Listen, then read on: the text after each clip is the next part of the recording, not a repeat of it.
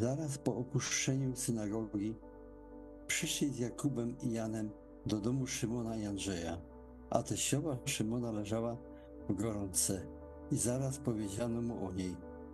I przystąpiwszy, ujął ją za rękę i podniósł ją i opuściła ją gorączka i usługiwała im.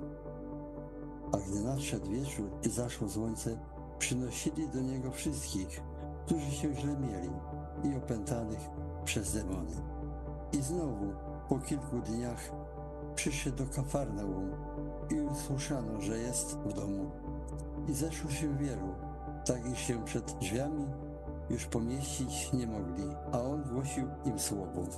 Wtedy przyszli matka i bracia jego i stojąc przed domem, posłali po niego i kazali go zawołać. A wokół niego siedział lud.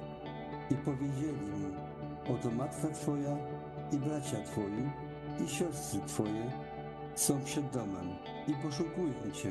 I odpowiadając, rzekł im, któż jest matką moją i braćmi moimi? I powiódł oczyma po tych, którzy wokół niego siedzieli i rzekł, oto matka moja i bracia moi. Ktokolwiek czyni wolę Bożą, ten jest moim bratem i moją siostrą i moją matką.